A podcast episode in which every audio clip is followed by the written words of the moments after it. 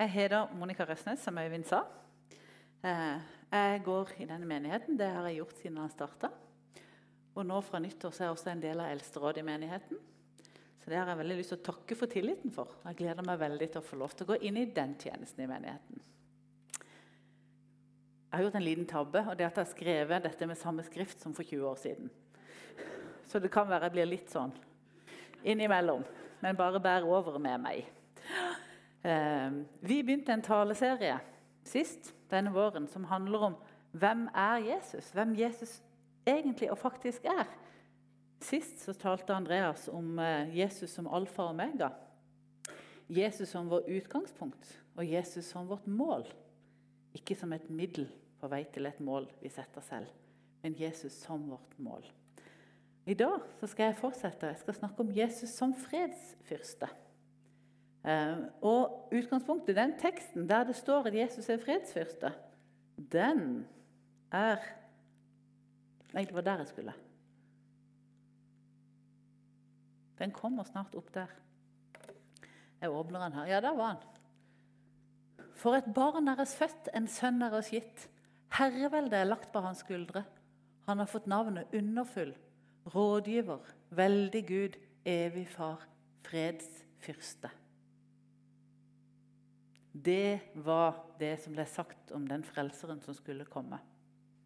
Han skulle være vår fredsfyrste. Eh, inspirasjonsteksten som jeg har brukt i dag når jeg skulle forberede den talen, den skal vi også få opp nå med en gang. og Da skal jeg klikke sånn. Eh, dette står i Filipperne 4, 4-9. Gled dere alltid i Herren. Igjen vil jeg si gled dere. La alle mennesker få merke at dere er vennlige. Herren er nær. Vær ikke bekymra for noe, men legg alt dere har på hjertet fremfor Gud. Be og kall på Han med takk. Og Guds fred, som overgår all forstand, skal bevare deres hjerter og tanker i Kristus Jesus. Og til slutt, søsken. Alt som er sant og edelt, rett og rent, alt som er verdt å elske og akte, alt som er til glede, og alt som fortjener ros, legg vind på det. Og alt dere har lært og tatt imot, sett og hørt hos meg, gjør alt dette så skal fredens Gud være med dere. Så det er én tekst til. Fred etterlater jeg dere. Min fred gir jeg dere. Ikke den fred som verden gir. Dette står i Johannes 14, 27. Det som står her altså nå har jeg, Det er en litt lang og en litt kort tekst, men virkelig sånn brukt tid på de tekstene der. Eh, og Det som er så viktig å få med seg som sånn kjernepunkt, er jo det at det, det er Guds fred som overgår all forstand. Det er ikke en fred vi skal fatte. Det er en fred som overgår all forstand. Og den skal bevare våre hjerter og våre tanker i Kristus. Ikke bare våre tanker og ikke bare våre hjerter, men våre hjerter og tanker. Og den Konteksten rundt det den sier noe om hvordan vi skal vise dette. Det er derfor jeg tok med versene rundt også. Det sier noe om hvordan vi utøver dette i praksis. Hvordan viser vi den freden til menneskene rundt oss? Og så sier Jesus i Johannes 14.: Min fred gir jeg dere. Og Det betyr at det er en fred vi har fått. Det betyr ikke en fred vi skal lage selv. Det er ikke en fred vi skal skape eller forhandle oss frem eller finne ut av. Det er en fred vi har fått. Jeg tenker Det er så viktig at vi virkelig tar det inn over oss. Det er en fred vi aldri vil kunne fatte, og det er en fred vi har fått. Og vi som mennesker vi definerer fred. Ofte så definerer vi fred som fravær av krig. Når ikke det er krig, da er det fred. Noen ganger er vi fornøyd med våpentilstand. Det er ingen som skyter på hverandre. Det er en form for fred. Noen ganger så definerer vi fred som stillhet. Det er så fredelig. Som ro. Av og til så definerer vi fred bare som mangel på uro. Mangel på ufred. Vi kan ha sånn peace and love-forhold til fred. En sånn form for positivt anarki. Så lenge bare alle er snille og greie, så går alt bare greit. Det er også en form for definisjon på fred. Det kan være fravær av konflikt. Fravær av uenighet. Hvis vi bare er enige, så blir det så fredelig. Det er ikke så nøye hva vi er enige om, bare vi er enige, sånn at ikke vi ikke krangler, for det er så ugreit. Og på Sørlandet vil vi ha det greit. Der er det egentlig bare greit eller ugreit. Og av og til så tror vi at fred er det samme som likhet. Hvis vi bare er like, hvis vi bare er som alle andre, hvis vi bare er konforme, så blir det fredelig. Eh, men det er en veldig stor forskjell på den freden, den samfunnsfreden, den relasjonsfreden og den der bekymringstilstandsfreden som vi lager oss her på jorda, og den freden som er Guds fred. Og den forskjellen går gjennom hva fredsfyrsten gjorde for å skape fred.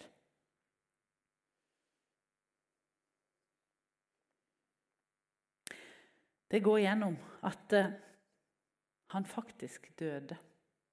Han faktisk oppsto. Og han faktisk forsonte oss med Gud. Det er den ekte freden. Og så forsonte han oss som mennesker med hverandre gjennom det han gjorde. Det står det om i denne lange teksten, som jeg sikkert burde hatt på to sider. Det står Husk at dere i den pakt var uten Kristus, utestengt fra borgerretten i Israel. Dette sier han etter, fordi at det, i Gamle testamentlig så var jo jødene i pakt med Gud gjennom Abraham. Jeg begynner på nytt. Husk at dere den gang var uten Kristus, utestengt fra borgerretten i Israel, uten del i pakten og løftene, ja, uten håp og uten Gud i verden. Men nå, i Kristus Jesus, er dere som, som var langt borte, kommet nær av Kristi blod. For han er vår far, fred, han som gjorde de to til ett og rev ned den muren som skilte fiendskapen. Ved sin kropp har han oppheva loven med dens bud og forskrifter. Slik, skriften, slik stiftet han fred da han av de to skapte ett nytt menneske i seg. I én kropp forsonte han dem begge med Gud da han døde på korset og slik drepte fiendskapen. Han kom og forkynte det gode budskapet om fred, både for dere som er langt borte, og for dem som var nær. Gjennom ham har både vi og dere adgang til Far i én ånd. Derfor er dere ikke lenger fremmede utlendinger. Nei, dere er de hellige medborgere og Guds familie. Vi har alle fått del i Guds familie. Det er fred mellom oss. Vi er forsont som mennesker på jord gjennom hva Jesus gjorde for oss på korset. Det vil si at han skapte fred mellom folkeslag. Det vil si at det var ikke noe vi og de, det var en oss. Han skapte fred gjennom generasjoner. Han gjorde oss likeverdige. Han gjorde Rasmus, som sto foran her, like viktig i den måten han formidler Guds evangelie, som om jeg gjør det, som om Øyvind gjør det.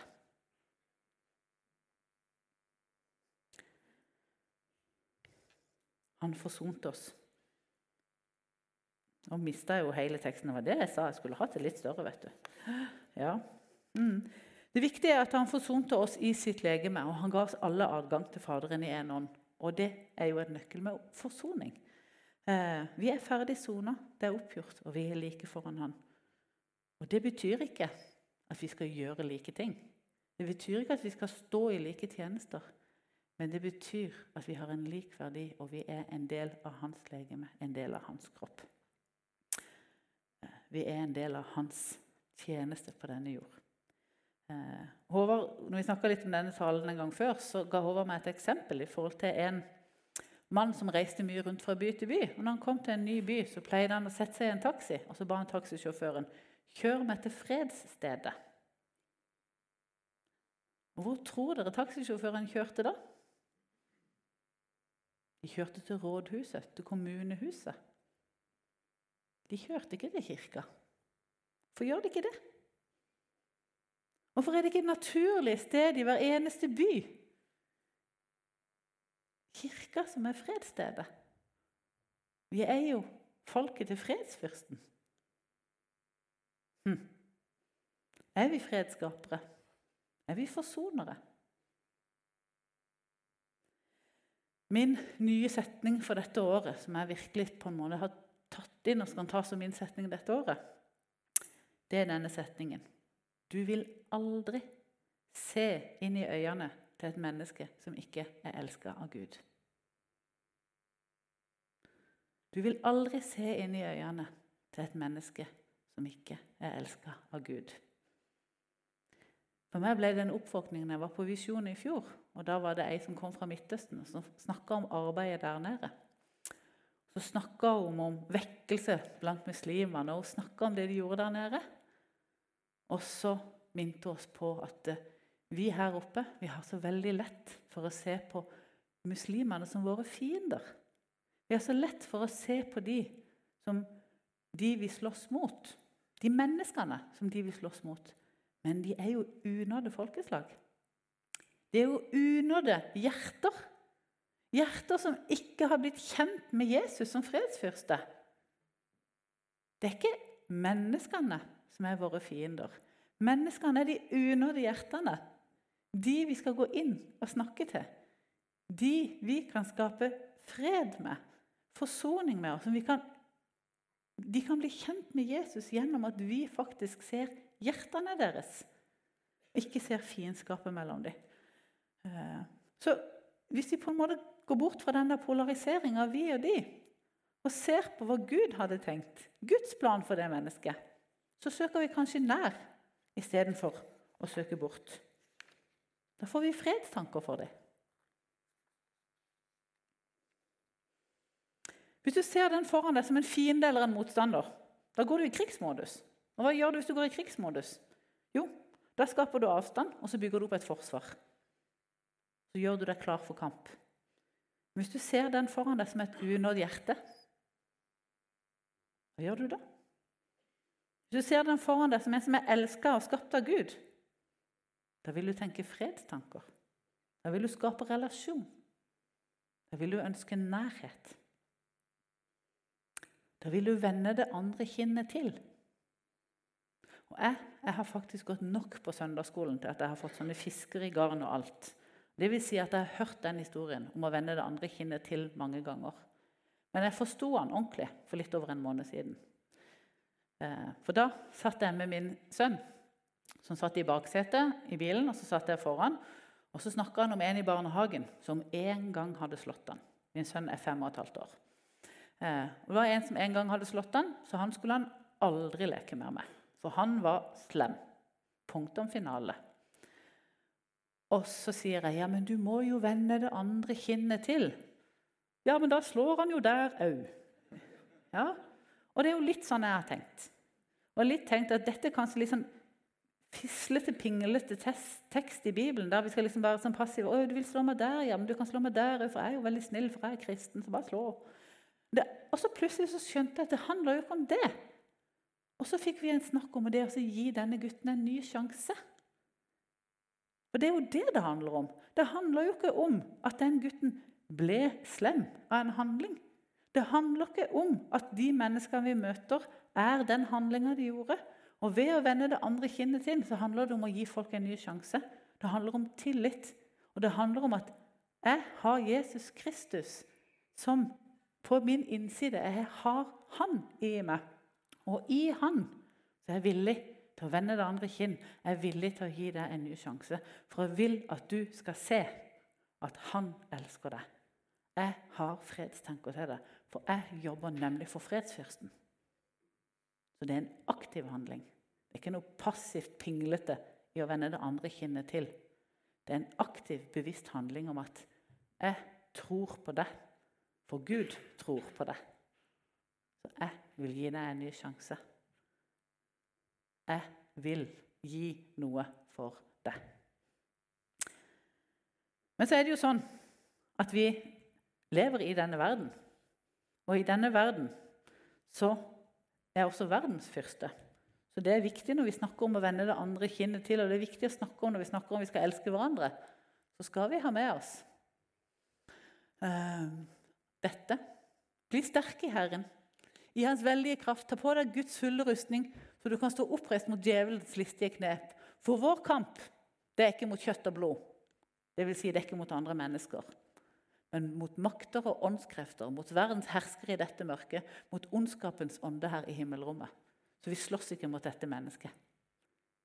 Men vi skal være veldig våkne for at vi har en djevel og en verdenshersker som har lyst å ha kontroll, som ikke har lyst til at vi skal vinne seier i Jesu Kristi navn.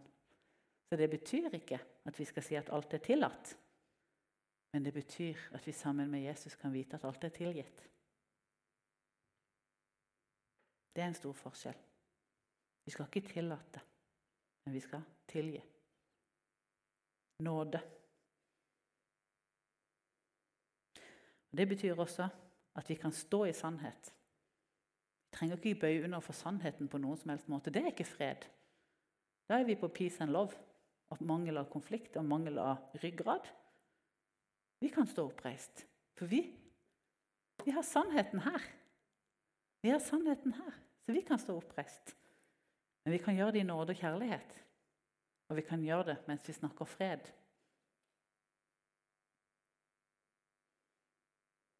For vi har vunnet seieren i Kristi blod. Han ble såret for våre lovbrudd, knust for våre synder. Straffen lå på han. Vi fikk fred. Ved hans sår ble vi helbreda. Vi har vunnet seier. Vi er helbreda. Vi har fått fred. Han har tatt det på seg. Vi har seier i evangeliet. Så når vi går ut, når vi går ut i en kamp for det ene hjertet For da kan vi gå i kamp for. Vi kan gå i en fredskamp for det ene hjertet. Så gjør vi det fordi vi vet at vi har seier i evangeliet. Vi vet at Gud sendte sin sønn for å frelse oss. Han sendte seg for å påta vår synd, påta vår skam. Og han oppstår for det.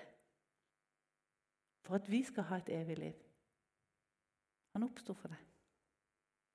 Vi skal ha et evig liv som ikke begynner, som ikke begynner på andre sida av døden. Et evig liv som er her og nå, som vi er en del av. Han har en plan for oss som er i et evighetsperspektiv. Og Det vil også si at han har en plan for oss som er her og nå, og at vi er i hans plan. Tilbake til forrige tale. Alfa og omega.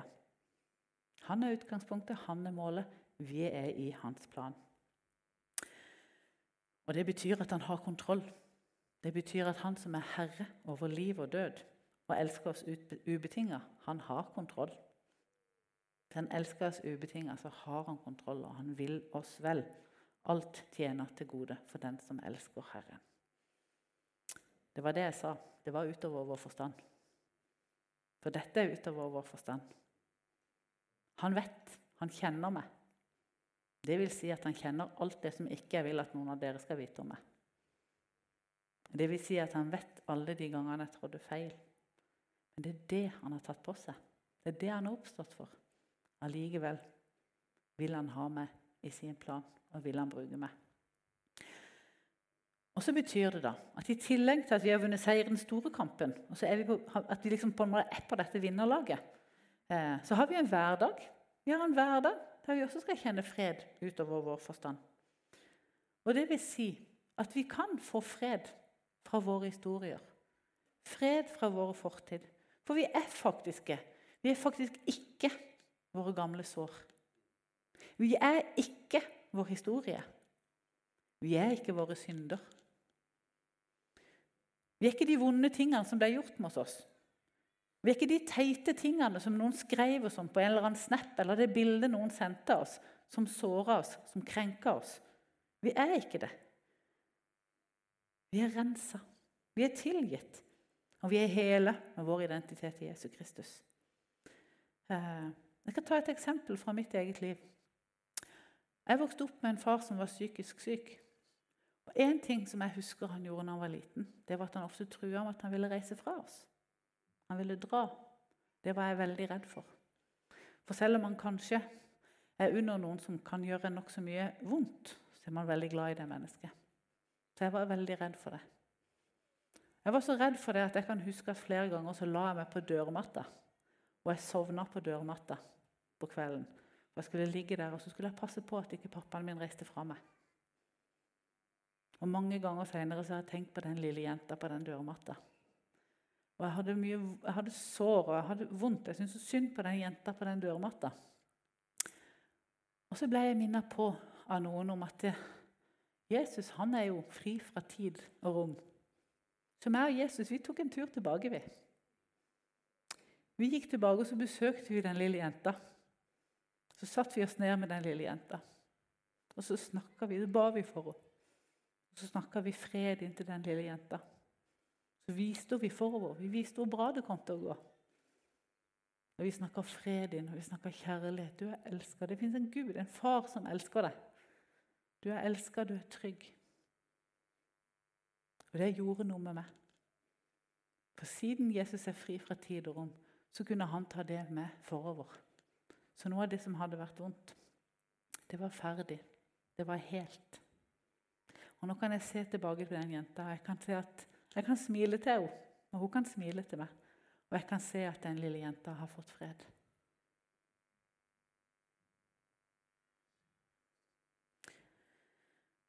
Så hvis du har det sånn, hvis du har sår, hvis du har historier, hvis du har ting i din fortid som ikke er oppgjort Hvis du har en liten jente, en liten gutt inni der som ikke har fått fred, og som ligger og gnager, så kan du gjøre noe med det. Du kan ta med deg Jesus inn i det. Jesus kan tale fred inn i det. Hvis du har krenka noen, hvis du har overtrådt noen andre, så er det én ting at det er viktig å få gjort opp med de, men det er også en ting at Jesus kan gå tilbake i tid og gjøre det opp. Du kan bli det tilgitt, men du kan også gå inn i det. Be gjennom det og få fred for det som var. Har du lyst, så kan vi gjøre det sammen etterpå. Jeg kommer til å sitte her litt etterpå, så hvis du har lyst, så gjør vi det sammen. Kjenn på det. Jeg tror det er noen av dere som trenger det. Uh, mm, det er noen her som trenger det. Men vi kan også få fred for vår framtid. Er det noe vi er flinke til, så det å gå rundt og bære på bekymringer.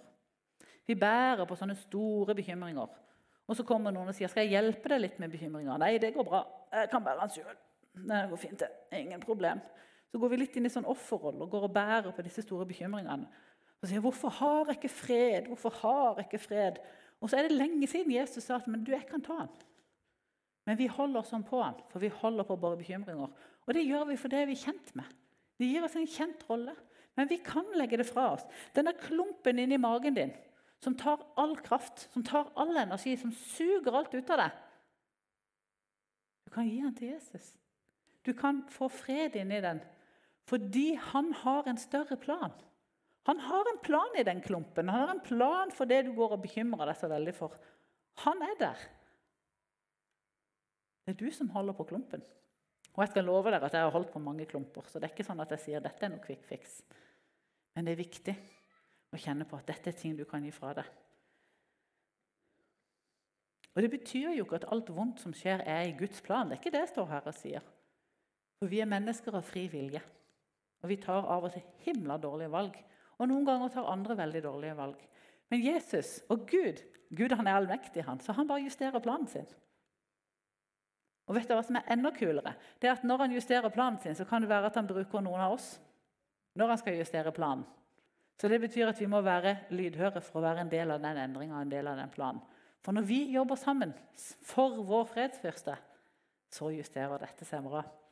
Så blir planen ny. Så kan vi hvile i at det er en plan. Jesus er målet. Vi kan leve, og vi kan hvile i planen vår.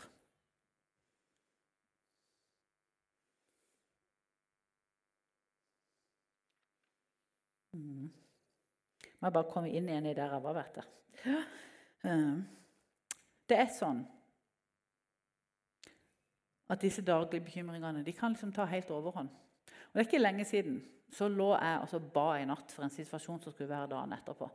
Og Jeg lå og brukte natta på å lage regi og fortelle Jesus hvis du gjør sånn, og hvis du gjør sånn, og hvis du etterpå da gjør sånn, og hvis du sier det på den måten, og så kan du gi meg noen kloke ord som jeg kan si, og Så brukte jeg egentlig veldig mye tid hele den natta for å regissere Gud. Eh, så står jeg opp, og så går det jo egentlig helt på tvers.